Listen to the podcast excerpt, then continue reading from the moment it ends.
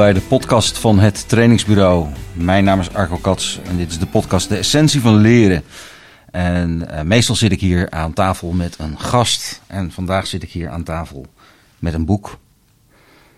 Uh, en een, uh, een boek wat voor mij altijd een heel belangrijk boek geweest is in, en nog steeds is. The Seven Habits of Highly Effective People van Stephen R. Covey.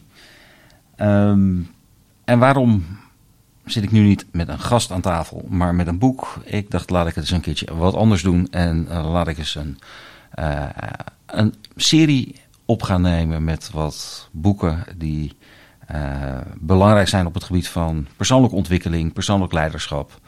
En die mij altijd geholpen hebben om dingen in kaders te stoppen.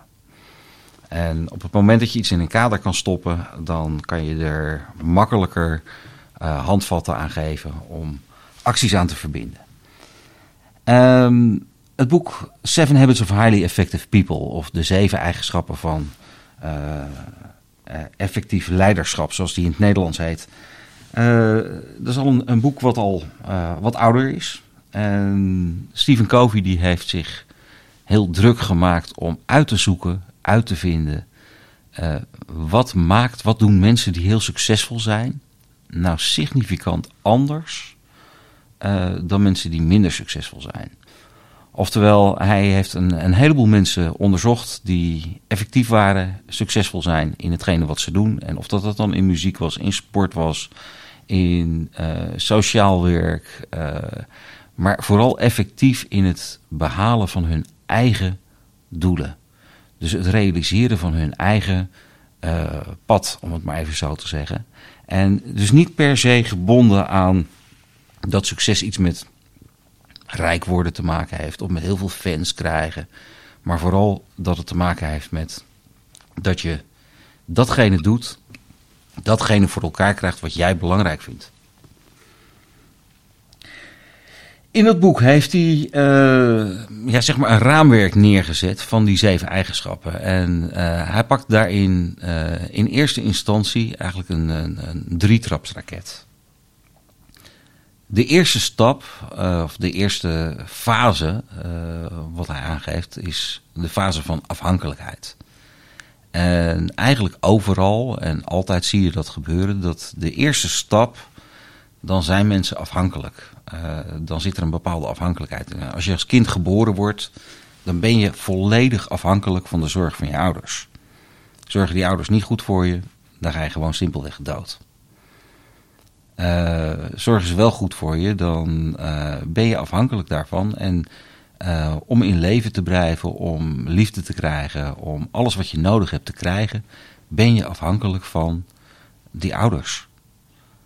En gaandeweg groei je op en op een gegeven moment dan kom je in de puberteit terecht en dan ga je je afzetten. En dan ga je je eigen onafhankelijkheid ga je creëren. En die eigen onafhankelijkheid betekent dat je zelfstandig uh, voor jezelf gaat zorgen.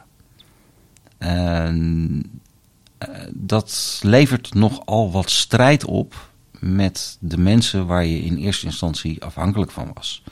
En je ziet in uh, samenwerkingsverbanden zie je eigenlijk ook altijd gebeuren dat mensen in eerste instantie afhankelijk zijn. En op een gegeven moment ontstaat er een situatie waarin je onafhankelijk wordt. Of waarin iemand de ander onafhankelijk wordt. Uh, en dat is een fase die gaat vaak met strijd gepaard. Daar, dat is niet het meest makkelijke. Uh, maar als je die fase goed doorkomt, dan kan je op een gegeven moment zeggen van ik ben in staat om voor mijzelf te zorgen. Ik ben in staat om mijn eigen boontjes te doppen. En vanuit die staat kan je de stap maken naar wederzijdse afhankelijkheid. En dat is een stap waarbij je uh, verbindingen aangaat op vrijwillige basis. Uh, of op bewust gekozen basis, laat ik me vooral zo zeggen. Want het kan ook zijn dat het min of meer gedwongen is, maar dat je er wel bewust voor kiest om daarin uh, in mee te gaan.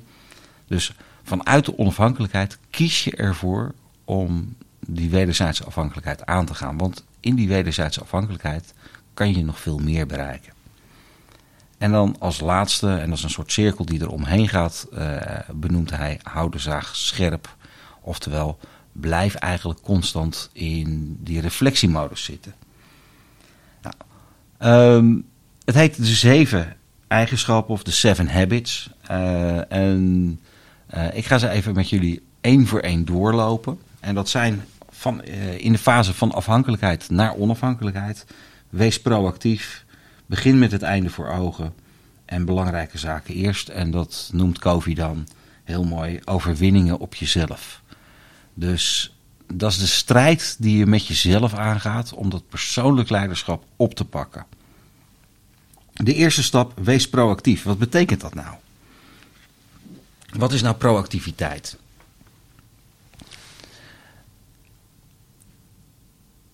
Ik heb daarnaar gezocht op verschillende manieren om te kijken van ja, hoe kan je dat nou op een goede manier duiden. Uh, en uh, ja, uh, als we kijken naar wat, wat, wat Covey daarover zegt, die gaat onder andere in op de cirkel van invloed en de cirkel van betrokkenheid, is dat bij proactiviteit dat je bewust kiest. En dat je tussen de stimulus die op je afkomt, oftewel er, er gebeurt iets in je omgeving, en het reageren daarop, dat je daar zelf een moment van keuze in hebt. Uh, reactief is dat je eigenlijk alleen maar gaat reageren op het moment dat er een stimulus op je afkomt en dat, dat, een, dat je dan kiest voor de automatische respons. Nou, dan heb je ook nog inactief, dan doe je helemaal niks. En je hebt uh, actief, dan ben je in beweging. En proactief is dat je in beweging gaat, maar gericht op basis van jouw eigen keuzes. Dus jij maakt de beslissing, jij neemt de beslissing om iets te gaan doen en om uh, zeg maar bewust te gaan handelen. Uh, er zit nog een stuk aan wat te maken heeft met uh, eigenlijk een stapje vooruit denken. Dus dat je je keuze maakt die gebaseerd is op datgene wat jij voor elkaar wil krijgen. En niet de keuze die gemaakt is op datgene waar je bang voor bent. Uh, dus het, het, reageren, het omgaan met een, een, een omstandigheid, de wijze die je doet, de handelswijze die je kiest, is gebaseerd op datgene waar jij achter staat. Bewuste keuzes. De tweede stap die die meeneemt, en dat vind ik een hele belangrijke, is begin with the end in mind. Zo wordt die in het Engels neergezet. Oftewel, begin met het einde voor ogen. En nou, een simpele oefening daarbij kan zijn: ga eens een hele tijd vooruit en wees eens toeschouwer bij jouw eigen uitvaart. En ga dan eens na wat de mensen bij jouw eigen uitvaart te vertellen hebben over jou. Wat zou jij willen dat dat is? Wat wil jij dat er gezegd wordt aan het einde? Als jij terug kan kijken op je leven, wat zouden dan de dingen zijn die jij vooral na wil laten. Die je gedaan wil hebben. Die je in gang gezet wil hebben. En dan kan je nadenken over een aantal dingen. Je kan nadenken over uh, hoe wil je in relatie staan. Hoe wil je in verhouding tot je kinderen staan. Hoe wil je uh, qua werk bekend staan. Wat wil je gerealiseerd hebben. En op het moment dat je dat plaatje redelijk helder hebt, dan heb je een soort kompas waarop je alles kan, kan afstemmen. En dat maakt het een stuk makkelijker. En maakt het einde ook zo concreet mogelijk. En die kan je terughalen ook naar uh, ja, kortere termijn projecten. Als je bijvoorbeeld zegt van nou, ik, uh, ik wil met mijn bedrijf wil ik een bepaalde doelstelling gaan halen. Ga dan eerst eens even echt goed stilstaan bij wat is dat doel dan? Hoe ziet dat eruit? Wat ben je dan aan het doen? Wat zegt de omgeving over je? Hoe wordt er gereageerd? Wat heb je daadwerkelijk gecreëerd? Als je het bekijkt, wat, wat staat er? Uh, wat, wat gebeurt er? Dus probeer dat plaatje zo scherp en zo helder mogelijk voor ogen te krijgen. Dat maakt het namelijk echt een heel stuk makkelijker om in de weg daar naartoe, waarin van alles en nog wat gebeurt, constant de vraag blijven, eh, te blijven stellen: draagt dit bij aan hetgene waar ik naartoe wil? En dan de uh, volgende is belangrijke zaken eerst. Daar wordt het, het woord belangrijk wordt daarin genoemd. En heel vaak zijn we niet zo goed in staat om vast te stellen of iets nou belangrijk of urgent is. En we hebben de neiging om in te gaan vooral op datgene wat urgent is. Maar is het ook belangrijk? Draagt het bij aan hetgene wat jij echt belangrijk vindt? En dat is voor iedereen is dat verschillend. Hè? Dus je hebt je eigen belangrijke elementen. En wat ik een hele goede vind, is om gewoon eens per jaar, eens per twee jaar, eens voor jezelf op te schrijven. Wat zijn nou de vijf belangrijkste dingen die jij belangrijk vindt? En zo kan je het in een project ook neerzetten. Wat zijn de vijf belangrijkste elementen die, uh, waar aandacht aan gegeven moet worden? Nou, voor mij persoonlijk betekent uh, een aantal dingen die ik echt belangrijk vind, is uh, de manier waarop ik met mensen omga. Een ander stuk wat ik belangrijk vind is dat ik eh, blijf werken aan het uitbouwen van het trainingsbureau.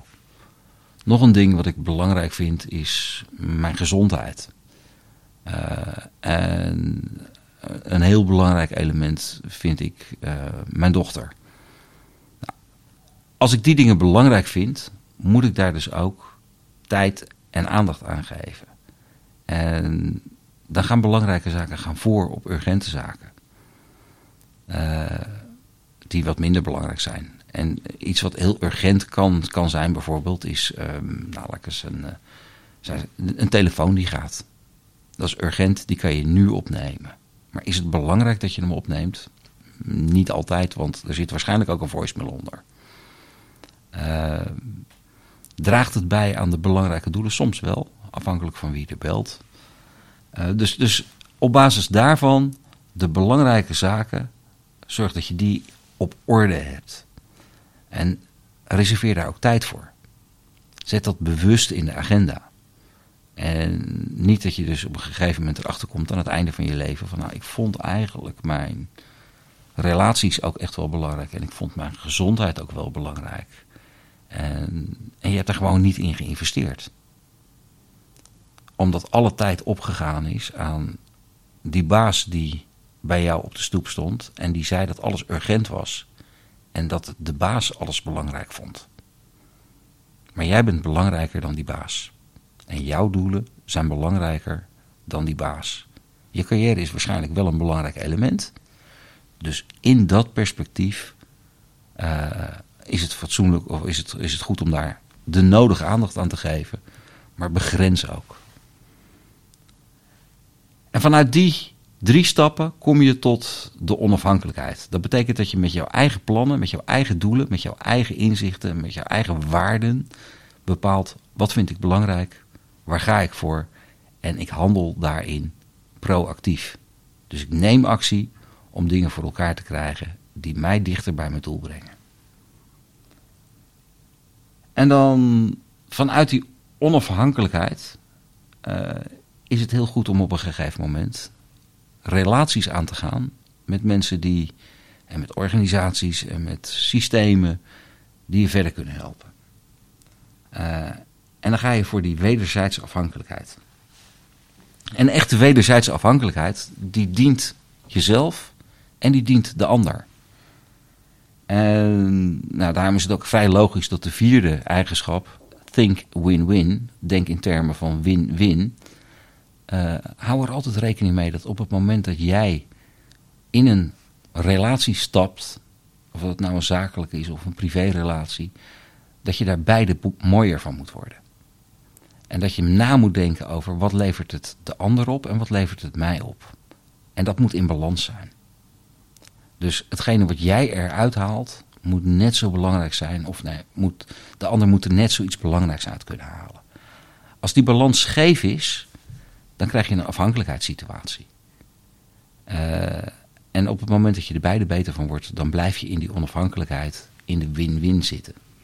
Of in die wederzijdse afhankelijkheid. Want er komt wel een afhankelijkheid, hè? want je gaat afspraken aan met elkaar. Uh, de vijfde eigenschap waar hij het over heeft is. Seek first to understand and then to be understood. Oftewel, probeer eerst te begrijpen en probeer dan pas begrepen te worden. Hoe vaak hoor je niet dat iemand zegt: ze begrijpen me niet. Mijn medewerkers in mijn bedrijf, ze snappen er helemaal niets van. Maar heb je dan ook daadwerkelijk de tijd en de aandacht genomen om te kijken, kan ik die anders snappen? Kan ik uh, begrijpen waar de weerstand vandaan komt? Kan ik snappen hoe druk iemand het heeft? Snap ik iemand zijn agenda? Snap ik iemand zijn prioriteiten? Dus onderzoek of dat je die ander kan snappen. En als je die ander snapt, dan wordt het veel makkelijker om jouw verhaal te vertellen in woorden die de ander ook kan meenemen. En dan kan je je voorstel, je dingen die je wil bespreken, uh, datgene wat je bij de ander wil uitleggen, kan je uitleggen op een manier dat het ook landt. En als ik die ander niet begrijp, dan ga ik gewoon tegen een muur aan zitten praten. En dan kan ik er nog zoveel energie in steken. Maar dan is er een hele grote kans dat we volledig langs elkaar heen aan het praten zijn. Wat ik daar een mooi voorbeeld van vind, is trouwens even iets, een heel ander uh, ding, is de, de languages of love. Uh, en ik weet even niet uit mijn hoofd van wie die theorie is, maar die hebben het bijvoorbeeld over op wat voor manier willen mensen graag liefde ontvangen of liefde geven. En voor sommigen is dat uh, vooral quality time samen. Voor een ander is dat lichamelijke aanraking. Voor een ander is dat cadeautjes uh, geven of cadeautjes krijgen. En er zijn ook mensen die zeggen van nou, ik vind eigenlijk uh, het, het um, ja, dat, dat iemand goed naar me luistert en mentale steun geeft, vind ik vooral het allerbelangrijkste. Als twee mensen met elkaar een relatie hebben en de een zegt ik vind cadeautjes vind ik echt heel erg belangrijk.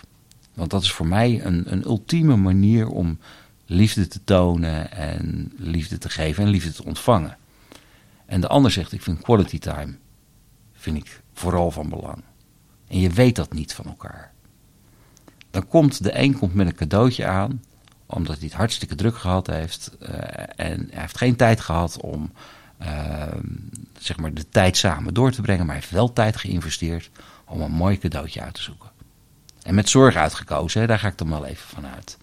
En die komt thuis bij de ander en de ander heeft iets van, ja, maar je bent er nooit. En dan werk je dat weg met een stom cadeautje. En dat heeft alles te maken met het feit dat de prioriteitenlijst of de, de waarde die aan iets gehecht wordt voor ieder mens verschillend is. Nou, seek first to understand and then to be understood is ga op zoek naar wat vindt de ander nou waardevol en wees daar bewust van en doe daar iets mee. Want dan kan je elkaar wel raken. Nou, en de, uh, uh, zesde eigenschap waar Covey het over heeft, is werk synergetisch. Nou, het woord synergie is een heel mooi woord, wat eigenlijk betekent gebruik het beste van de verschillen, verschillende mensen, verschillende systemen, uh, de verschillende entiteiten die samenwerken. Gebruik de beste kwaliteiten van iedereen. En zorg dat je de slechtste uh, kwaliteiten van iedereen, dat je die compenseert. Dus dat je daar compensatie voor vindt. Ik vind het zelf altijd een, een, een leuk om daar het idee in mee te nemen.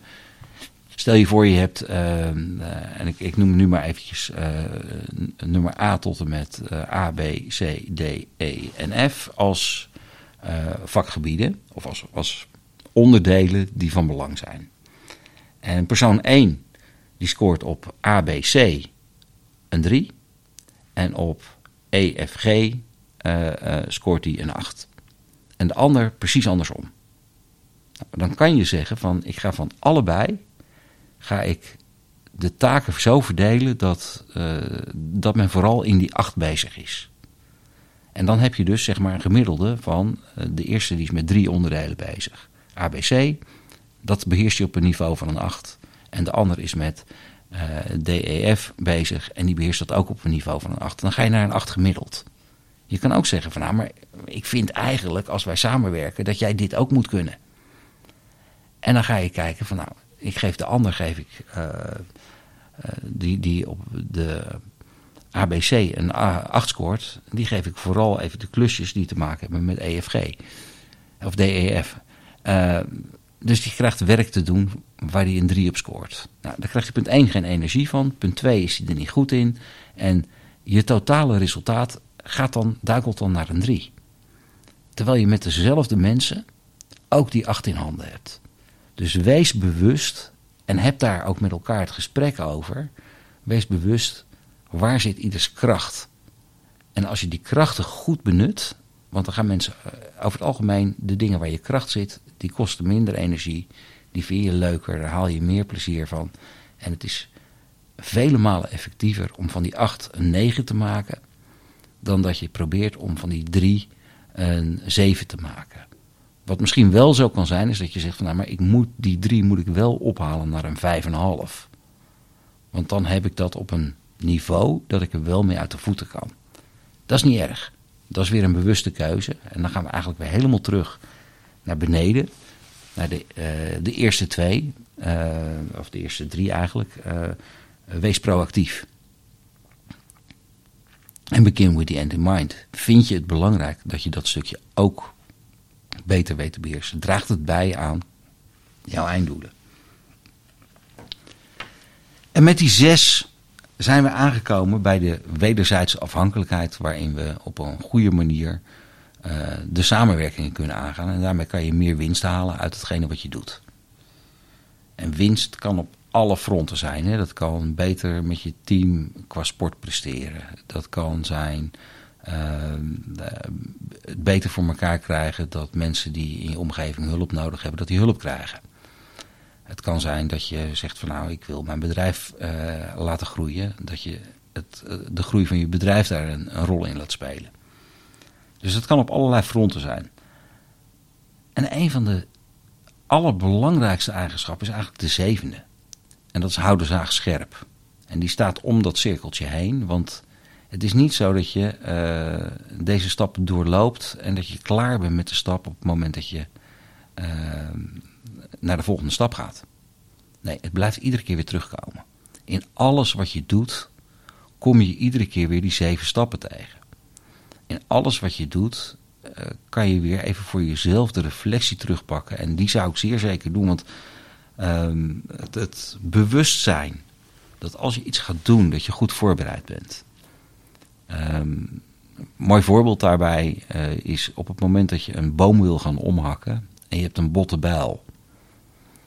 Ja, als je met een botte bijl aan de slag gaat, met een boom omhakken, dan ben je heel lang bezig, kost heel veel energie. En je kan veel beter eerst goed energie steken in het goed scherp maken van die bijl. Want als je met een scherpe bijl aan de slag gaat, ga je er veel sneller doorheen. Met veel minder moeite. En het scherp maken van die bijl kost minder tijd dan het, uh, de tijd die je verliest in het uh, om willen hakken van die boom met die botte bijl. En dat zie ik in heel veel gevallen zie ik mensen dat doen. Dat ze energie blijven steken in iets wat, waarvan het systeem niet klopt. Uh, dat ze iets niet beheersen en dan toch ermee door blijven gaan zonder te gaan leren. En houden zaag scherp staat eigenlijk voor leren. En nou, gaat deze podcast ook over de essentie van leren. Die is wel een hele belangrijke. Uh, dat doe je niet alleen. Ja, soms wel, maar over het algemeen is het heel goed om mensen om je heen te verzamelen met wie je jouw leerpad kan doormaken. En die kunnen ogen hebben en die kunnen zien van die zaag is bot. Of die bijl is, is bot. Uh, moeten we die niet eerst even slijpen? Ja, maar ik heb daar geen tijd voor, want ik moet die bomen omhakken. Ja, bewustzijn, belangrijke zaken eerst. Die zaag scherp maken, die bijl scherp maken. Dat is misschien wel veel belangrijker dan nu laten zien dat je zo hard aan het werk bent. En succesvolle mensen, die zijn over het algemeen bewust aan het werk. Die werken wel hard, maar die zijn niet per definitie hard aan het werk. En er zijn ook mensen die zijn heel hard aan het werk, maar die hebben niet de keuzes gemaakt om bewust te kiezen wat ze wel doen, wat ze niet doen. Maar die zijn aan het lopen, aan het lopen, aan het lopen, aan het lopen. Niet bezig geweest met begin with the end in mind. Hebben zich geen voorstelling gemaakt van wat wil ik nou daadwerkelijk in dit leven betekenen. En dan kom je straks aan de eindstreep en dan kijk je terug en dan denk je ik ben ontzettend druk geweest. Maar waar heb ik het allemaal voor gedaan? de weg van Covey. Uh, volgens mij zijn het een aantal universele wetten die erin staan. Ik kom er heel vaak op terug, met name die afhankelijkheid naar onafhankelijkheid. dat is ook iets wat je in je loopbaan vaak tegenkomt. De eerste stap in je loopbaan ben je vaak afhankelijk van managers, bazen, mensen om je heen. Dan maak je jezelf onafhankelijk. En vanuit die onafhankelijkheid wordt het veel makkelijker om op een gegeven moment ook met feedback om te gaan. Want ben je afhankelijk, dan is feedback is ook een, ja, een potentieel gevaar. Want als jij iets niet goed doet en jij zit in een afhankelijkheidsrelatie, dan kan die relatie daar wel eens een keertje door kapot gaan. En als jij afhankelijk bent daarvan, dan kan dat zo bedreigend zijn dat je zegt, nou, maar dan doe ik maar liever voor dat ik het goed doe, dan dat ik erken dat het niet goed is. Terwijl als je onafhankelijk redeneert, dan zeg je, wauw, wat fijn, ik krijg feedback. En ik doe dit niet goed. Wauw, dan heb ik een kans om ermee aan de slag te gaan, om het te gaan leren. Wie kan me helpen? Dat is een heel andere manier van ontvangen van feedback. En die brengt je veel verder. Dus onafhankelijk denken, onafhankelijk zijn in hetgene wat je doet, omdat je gebaseerd bent op jouw eigen begin with the end in mind. Jouw eigen belangrijke zaken eerst. En dan vervolgens van daaruit kijk je naar in de samenwerking die ik aanga. En dat kan dus zijn zeg maar, de samenwerking in je team, in je bedrijf. In die samenwerking. Welke afspraken hebben we dan daarin? Nou, ik zou iedereen aanraden om het boek The Seven Habits of Highly Effective People uh, een keer door te nemen. Maar je hebt hiermee in ieder geval de belangrijkste stappen uh, te pakken. En ga er maar eens voor jezelf voor zitten om, uh, om ze door te lopen. Uh, dankjewel. Dit was een iets andere podcast van de essentie van leren van het trainingsbureau. Mijn naam is Arco Kats. Wil je hier nou meer over weten? Wil je weten op welke manier je die Seven Habits in jouw team uh, naar voren kan laten komen. Of daar zelf jouw eigen weg mee doet. Nou, neem gerust eens een keertje contact op met het trainingsbureau. We helpen je er graag bij. En uh, nou, pak het boek erbij. Lees dat door. En uh, graag tot de volgende podcast.